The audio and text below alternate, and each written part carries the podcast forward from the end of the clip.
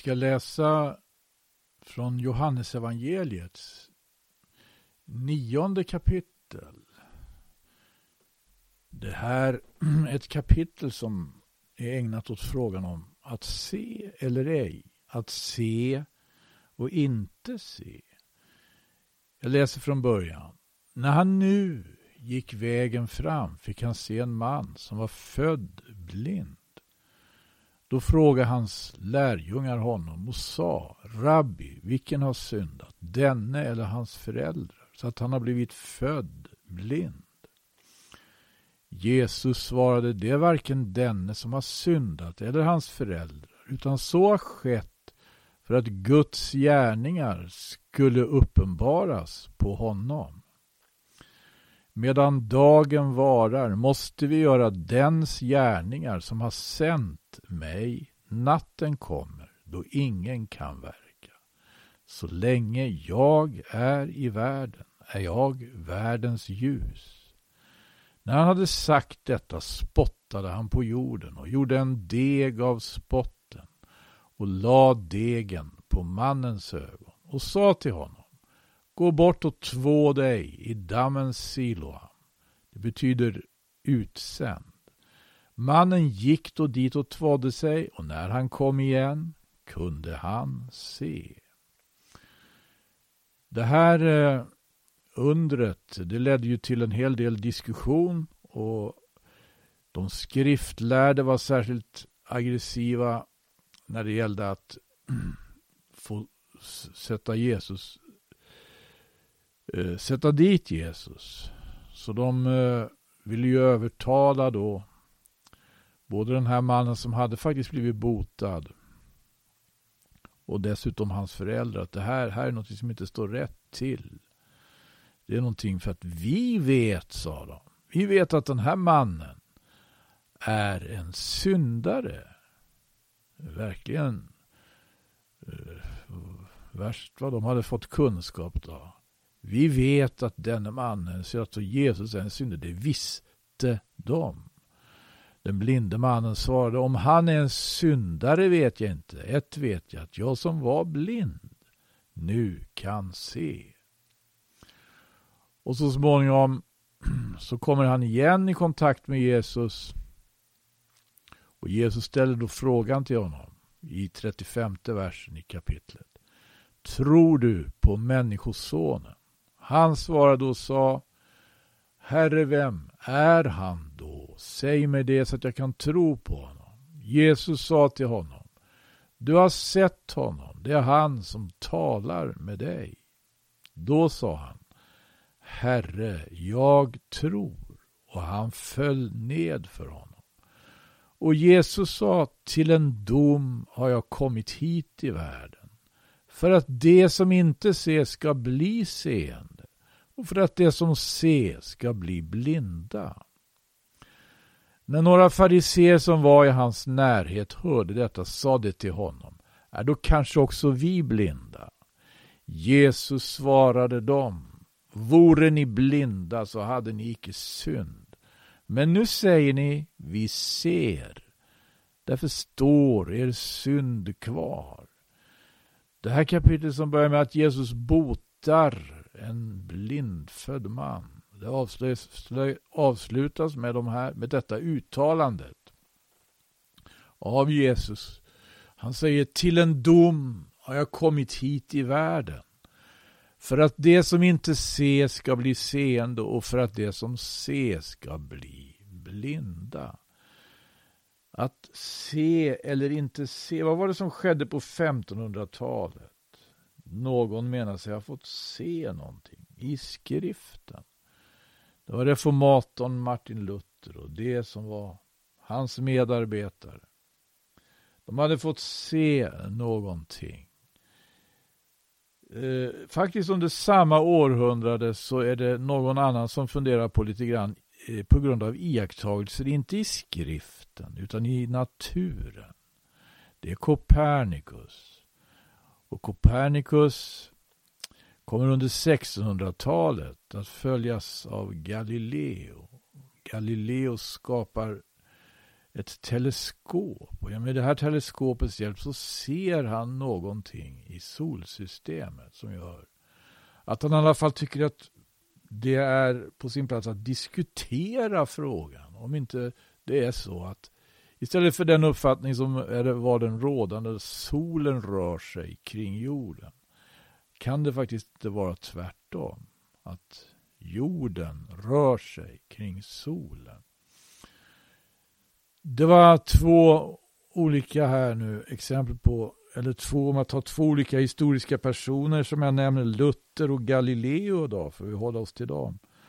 De såg saker, nere i skriften, den andra i naturen som rubbade, eller som man har uttryckt det, skakade världen i dess grundvalar.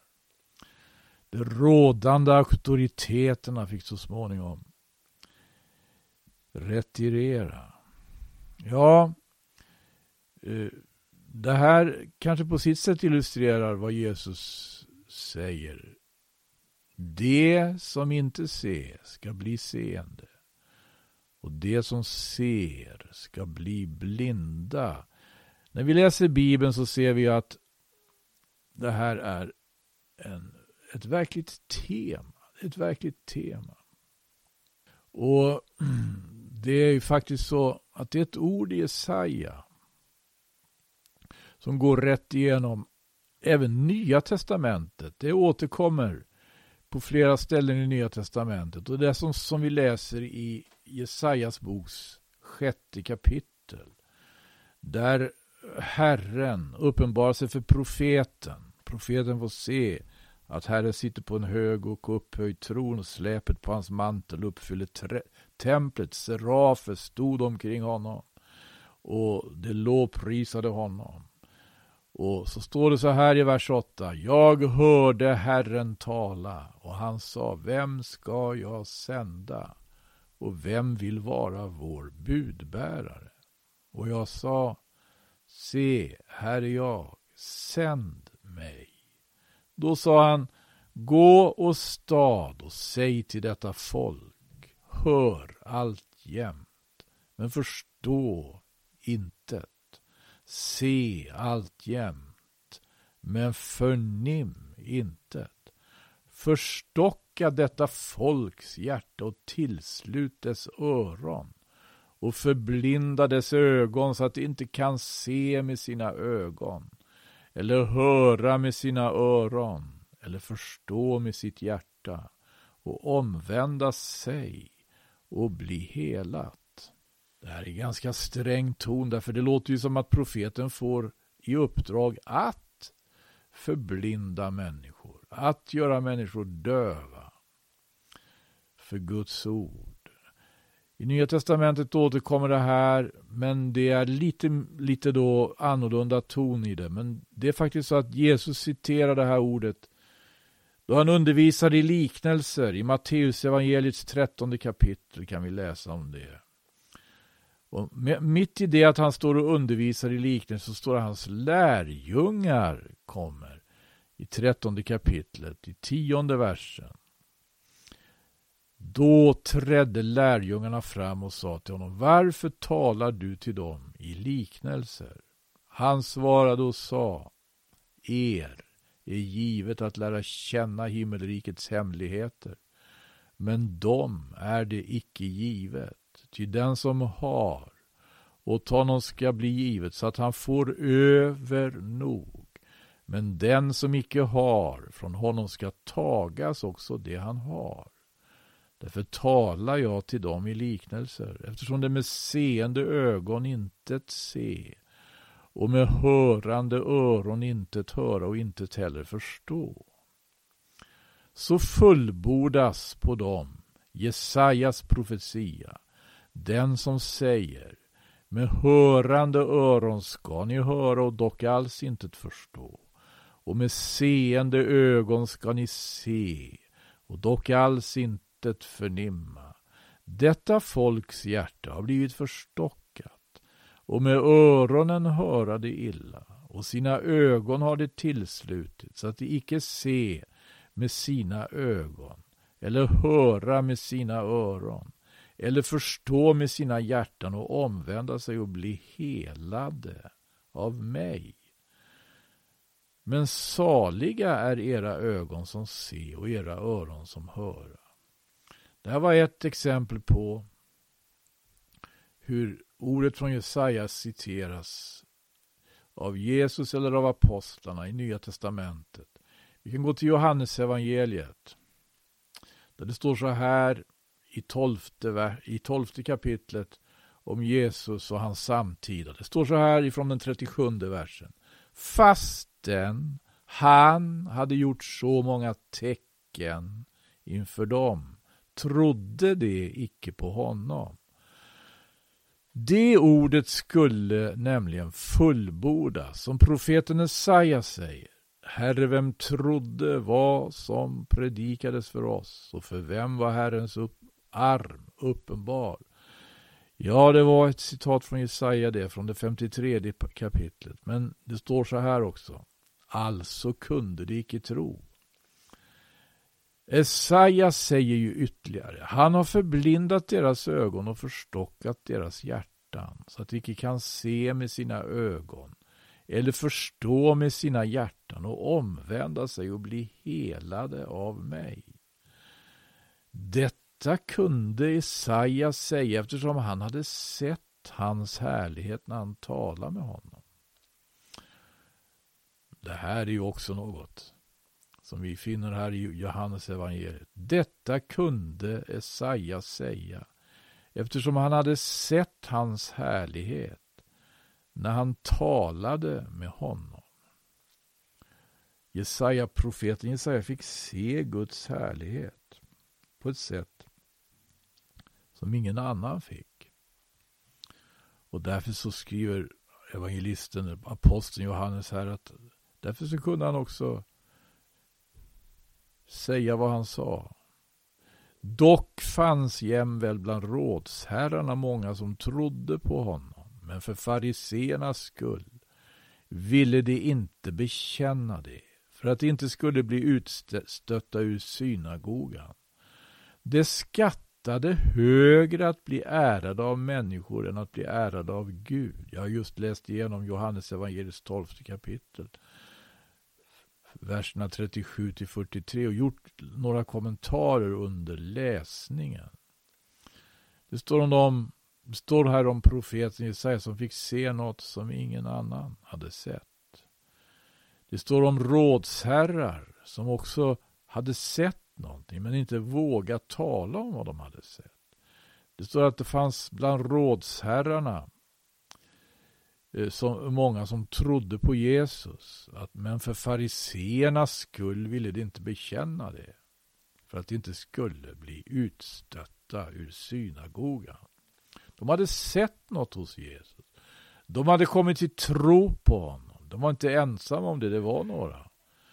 Men det står att de skattade högre att bli ärade av människor än att bli ärade av Gud. Det skattade högre att bli ärad av människor än att bli ärad av Gud. Det här är verkligen något som har hindrat människor att se. Eller att om de ser så vill de i alla fall inte tala om vad de har sett. När Jesus undervisar i Lukas evangeliet så kommer han också in på den här frågan om att bli ärad av människor eller bli ärad av Gud. Han säger så här i kapitel 16 i Lukas, i vers 13. Ingen som tjänar kan tjäna två herrar. Antingen kommer han då att hata den ene och älska den andra. Eller kommer han att hålla sig till den förre och förakta den senare. Ni kan icke tjäna både Gud och mammon. Allt detta hörde nu fariseerna som var penningkära. Och det drev då gäck med honom. Men han sa till dem, ni hör till dem som gör sig rättfärdiga inför människorna. Men Gud känner era hjärtan. För det som bland människor är högt, det är en styggelse inför Gud. Det är precis det här som är eh, som ligger också i det här att vilja bli skattad av människor. Det står om rådsherrarna som visserligen trodde på Jesus men inte vågade bekänna det eftersom de skattade högre att bli ärade av människor än att bli ärade av Gud. Då skulle de alltså stiga i människors aktning då. Men det här är en snara, därför Jesus säger det som bland människor är högt. Det är en styggelse för Gud. Vill man stiga i människors aktning så kan ju risken vara den då att man inte stiger i Guds aktning utan tvärtom sjunker. Det som bland människor är högt, det är en styggelse inför Gud. Det här kan också vara det som faktiskt påverkar förmågan att se. Eh, Jesaja, Jesajas profetia är ju ganska så eh, beaktansvärd. Den faktiskt återkommer då, som jag sagt, vid flera tillfällen i Nya Testamentet. Vi har redan sett i Matteus evangeliet, vi har sett Johannes evangeliet. Vi ska också läsa från Apostlagärningarnas sista kapitel. I Apostlagärningarnas sista kapitel så är det så att aposteln Paulus har kommit till Rom. Han kom till Rom därför att han vädjade till kejsaren i samband med att det var processer på gång mot honom. Som vi kan läsa om i de tidigare kapitlerna i, i, i samma bok, då i Apostlagärningarna. Men i Apostlagärningarnas 28 kapitel har han alltså kommit till Rom. Och han kommer att få tillfälle att tala med dem som bor i Rom, som tillhör Israel, judarna i Rom. Det står så här. Sedan utsatte det en viss dag för honom. Och på den kom ännu flera till honom i hans härberge. Då vittnade han för dem om Guds rike och utlade vad därtill hör och försökte att övertyga dem i fråga om Jesus med bevis både ur Mose lag och ur profeterna. Därmed höll han på från morgonen ända till aftonen och somliga lät övertyga sig av det som han sa, men andra trodde icke. Och då de inte kunde komma överens med varandra gick de sin väg. Och därvid sa Paulus endast detta ord, rätt talade den heliga ande genom profeten Esaias till era fäder. När han sa, gå och stad och säg till detta folk, med hörande öron ska ni höra och dock alls intet förstå och med seende ögon ska ni se och dock alls inte förnimma. Detta folks hjärta har blivit förstockat och med öronen höra det illa och sina ögon har det tillslutit så att de inte ser med sina ögon eller höra med sina öron eller förstå med sina hjärtan och omvända sig och bli helade av mig. Det må ni därför veta, till hedningarna har denna Guds frälsning blivit sänd. Det ska och akta därpå. Ja, så, så blev det. Det budskap som egentligen först och främst angick det judiska folket eftersom det var Israels Gud som hade sänt det här budskapet. Det togs inte emot av Israel och därför så, det här säger så väldigt mycket. Till hedningarna har denna Guds frälsning blivit sänd, det ska och akta därpå det, det, blev så. Det kom det här budskapet nu till hedningarna, Det kom till Italien, det kom till Grekland, det kom till länderna runt Medelhavet. Och till folk och länder i hela världen. Och hedningarna har aktat på denna Guds frälsning. Har aktat, att säga Hur är det idag då? Hur är det idag? Kan det möjligen bli så att hedningarna i sin tur går igenom så att säga vissa då kan man tala om processer som innebär att man kommer dithän. Då igen hjärtan blir förstockade, öron hör illa och ögon blir tillslutna. Var det inte det som hade skett med kyrkan på 1500-talet? Då evangelium på nytt började predikas. Därför Martin Luther och reformatorerna såg någonting i skriften som hade fallit i glömska. Överhuvudtaget hade hela skriften på något vis fallit i glömska. Den hade fångats in i ett väldigt, väldigt listigt teologiskt system som måste på något vis rivas sönder. Det var just det som skedde då. Sen har vi gått igenom ytterligare tider. Människor ser saker, uppfattar saker. Vad leder det här till då? Det här eh, gör att jag funderar på att göra ett par program. Det ena programmet det kommer jag att rubricera Från Galileiska sjön till Galileo. Det är det första. Och det andra programmet, jag vet inte om det blir två eller fler program. Jag tror det blir två i alla fall. Det andra programmet kommer jag att rubricera Från Galileo till år 2033.